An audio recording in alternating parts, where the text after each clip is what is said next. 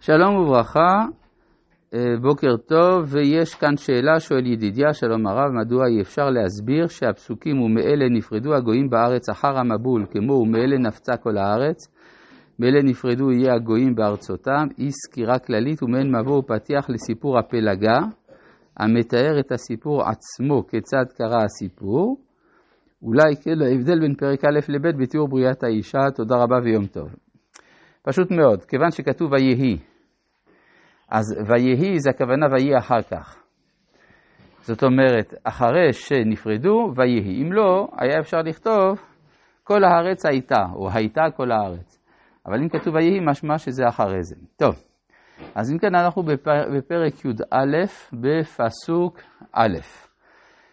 ויהי כל הארץ שפה אחת ודברים אחדים. אז דיברנו על כך, אם כן, שכדור הארץ מיושב, יש כבר עמים, יש כבר אה, לשונות. ויהי בנוסעם מקדם. אז אה, מי הם אלה שנשאו? אפשר להגיד שהנושאים זה כל הארץ, אבל אז אם ככה, אם כל הארץ מיושבת, אי אפשר שכולם ייסעו מן המזרח, מקדם, הכוונה ממזרח למערב. אלא מדובר, ויהי בנוסעם אלה שנשאו. אז יש קבוצה שנסעה ויש קבוצה, קבוצה שנשארה. הנוסעים זה ממזרח למערב, ואז הנשארים הם במזרח. זה השורש להתפלגות של ההיסטוריה האנושית לשתי תרבויות, תרבות מזרחית ותרבות מערבית. האחת שרואה את האידיאל בקביעות, בעמידה, בנצח, והאחת שרואה את הערך המרכזי בקדמה, לנוע. כי הרי אם אני נוסע, סימן שאני סבור שטוב יותר שם מאשר כאן, מכל מיני סיבות, כל הסיבות שיכולות להיות בעולם. לעומת זה, יש פתגם סיני עתיק שכל שינוי רע. כן, הרי אם אתה עושה שינוי, מי אמר שיהיה יותר טוב מאשר עכשיו? והחלוקה הזאת בין שתי תרבויות, ראינו אותה כבר שהשורש שלה במעשה בראשית, בין שלושת הימים הראשונים לשלושת הימים האחרונים, וכאן היא באה לידי ביטוי בהיסטוריה האנושית. ויהי בנוסעם, יש כאלה שנשאו. עכשיו, מאיפה הם נסעו? בדיוק ממקום הנקרא קדם. אומר רש"י, המקום הנקרא קדם זה הר הקדם, שמוזכר כמה פסוקים לפני כן, ויהי מושבה ממשה בפרק י', בפסוק י', אה, פסוק ל', ויהי מושבה ממשה בואכה ספרה הר הקדם. אבל מי הם אלה שיושבים שם בואכה ספרה הר הקדם? לפי מה שראינו זה בני שם.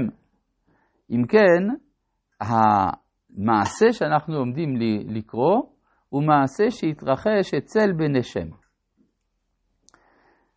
וימצאו בקעה. אם הם מצאו בקעה, סימן שלפני כן הם היו בהר. בקעה, מקום שטוח. כן, הרבה פעמים מתבלבלים, חושבים שבקעה זה עמק. עמק זה מקום בין שני ערים. בקעה זה מקום רחב ידיים ושטוח. אז מצאו בקעה. סימן שעד אז הם היו בהר. עכשיו, יש שני הבדלים בין הר לבין בקעה. ההר הוא גבוה, אז הוא קרוב, נגיד לפי הציור העממי, הוא קרוב יותר לשמיים מאשר הבקעה. דבר נוסף, ההר עשוי מאבנים והבקעה עשויה מאדמה. כך שאם מישהו רוצה לבנות בניין גבוה ושל קבע, אז בשתי הסיבות הוא צריך לבנות אותו בהר ולא בבקעה. בהר זה כבר גבוה, וגם יש לו חומרי בנייה. בבקעה יש אדמה, צריך להביא חומרי בנייה מן החוץ, או לייצר חומרי בנייה, לבנים למשל. וכאן אנחנו רואים, כן, שהאנשים האלה, אנחנו נראה שהם לכאורה פועלים בצורה אה, מנוגדת להיגיון לכאורה, ואנחנו מיד נבין מדוע. וישבו שם. לכאורה, מה הבעיה לשבת שם? האם זה בסדר? זה לא בסדר? אפשר להגיד שזה בסדר, כי הרי כל אומה מחפשת לה איפה להתיישב. או שמא נאמר, וישבו שם במקום להתקדם, יוכלו להתקדם עוד יותר מערבה. מהו הכיוון שהיו מגיעים אליו? היו מגיעים לארץ ישראל. כלומר, יש איזה מין משיכה של האנושות אל איזושהי מטרה, ולפעמים המטרה הזאת נעצרת באמצע. נראה שארץ ישראל הרי היא הארץ שהקדוש ברוך הוא מבטיח לאוהביו, אז זו הייתה צריכה להיות אולי ארצם של בני שם אלה. ויאמרו איש אל רעהו. עכשיו נשאלת השאלה מה הם רצו בדיוק. רש"י כותב, וזה מאוד מסתבר, שהחרדה של אותו דור הייתה המבול. אמרו אחת ל-1656 שנה, הרקיע מתמוטט כדרך שעשה במבול. אז כי שנה, לפי פשט הכתובים, שנת המבול היא 1656. ואז הם אומרים, צריך לעשות משהו, בואו ונעשה לו סמוכות. מה זה סמוכות? עמוד תמך.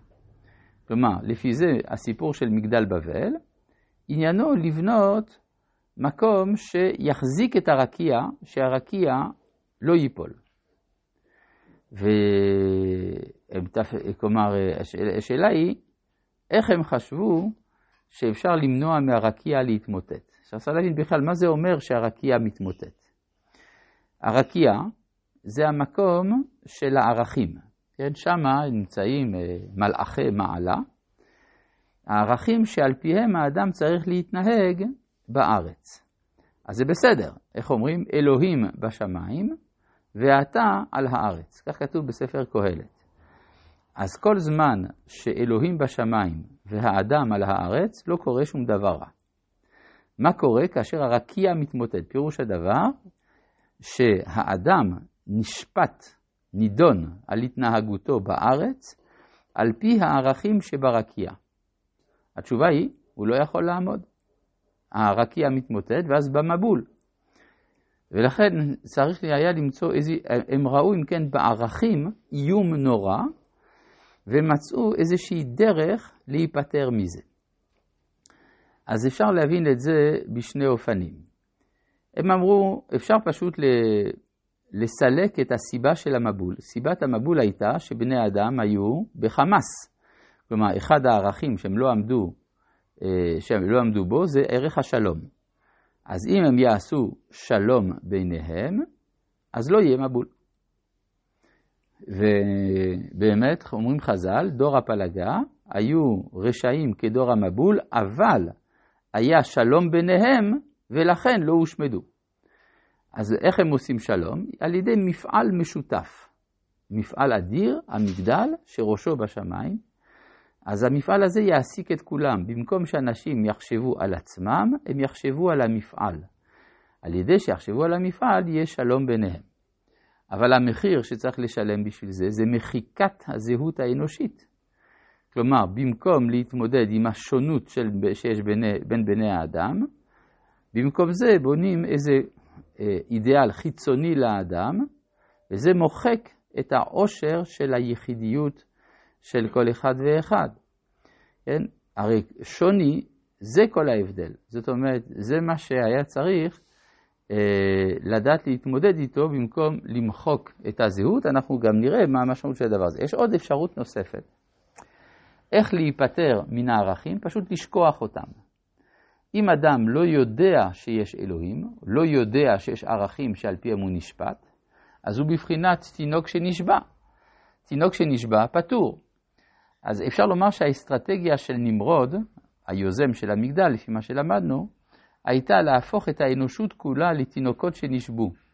כלומר, אנשים שלא ידעו שהם צריכים לתת דין וחשבון לפני מישהו, ואז באמת הם לא יהיו חייבים לתת את הדין וחשבון. כלומר, זה פלפול הלכתי לא רע, שבו בעצם אנחנו פוטרים את בני האדם מן המשפט. יש רק אדם אחד שיודע שהוא עושה את זה, זה נמרוד עצמו, אבל הוא אידיאליסט. הוא מוכן לאבד אפילו את חלקו לעולם הבא מפני אהבת האנושות. אז כך שיש לנו פה שתי בחינות של הצלה, או על ידי עשיית שלום ביניהם, או על ידי השכחת שם שמיים. לדבר הזה יש קשר אמיתי עם הלבנים כפי שנראה.